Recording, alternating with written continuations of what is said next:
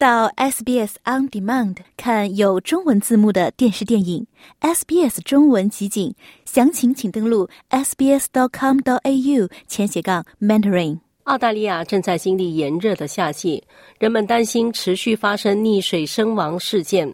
根据澳大利亚皇家救生协会的致命溺水人数统计，自十二月一号以来，已经有二十一人溺水身亡。下面游泳安全专家分享了在水中保持安全的技巧，请听报道。澳大利亚的厄尔尼诺夏季的特点是炎热干燥，许多人涌向海滩和泳池避暑。但随之而来的是更大的溺水死亡风险。自今年入夏以来，全国已发生二十一起溺水身亡事件，比去年同期多了三起。其中六起事故发生在新南威尔士州。新州冲浪救生组织首席执行官史蒂文·皮尔斯解释说：“节日期间溺水的风险会增加。Always statistically, you know, over the Christmas um, festive period. you're twice as likely to drown on, on a New South Wales coastline than any, any other time. 据统计，在圣诞节期间，在新州海岸线溺水的可能性是其他任何时候的两倍。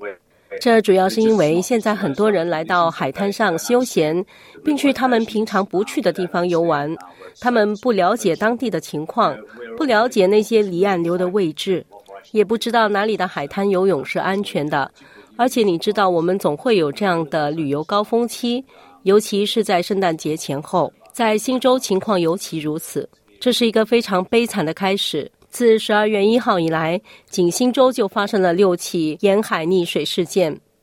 几十年来，虽然相关部门一直在发布游泳安全信息，但是皮尔斯先生表示，显然还需要进行进一步的认识和教育，特别是来自移民和难民背景的人，以及文化和语言多元化的社区。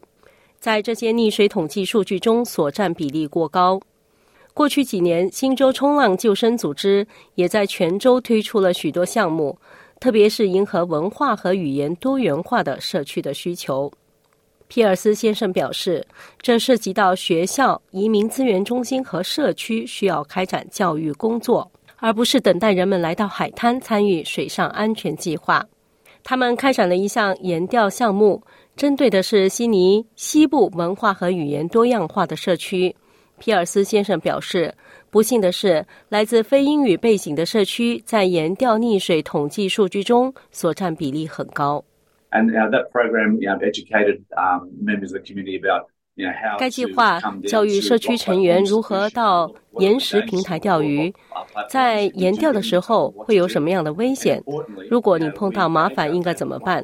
我们捐出了超过一千个救生衣，为参与这些计划的成员提供救生衣，因为我们知道，对于岩钓者来说，如果他们穿着救生衣，那么如果他们被冲下岩石平台，他们的生存机会就会增加近百分之九十。奥运会金牌得主奥斯温大使布鲁克汉森也表达了这些担忧。他说：“他们的项目有三万三千名教师在夏季不知疲倦的工作，提供救生游泳课程。课程适合来自不同文化和宗教背景的人们。”汉森女士表示：“游泳课程无疑是缓解水中焦虑，并且最终拯救生命的关键。” For me, as, a, as an Olympian, of, uh, of course, I achieved all my hopes and dreams in the pool. But now I'm a 对我来说，作为一名奥运选手，我当然在泳池中实现了所有的希望和梦想。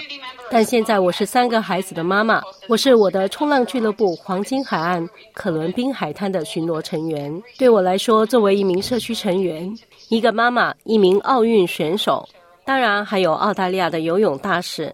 我发现，我们所有人，我们每一个人都需要在水上和水周围保持安全意识，这一点非常重要。我们要对自己和家人负责，要确保我们可以引领他们。想在 SBS 当一回影评人吗？SBS On Demand 正在推送配有中文字幕的热门影视作品。您只需观看一部或以上影视作品，并把影评观后感发给我们，就有机会赢得一份 SBS 精美礼品。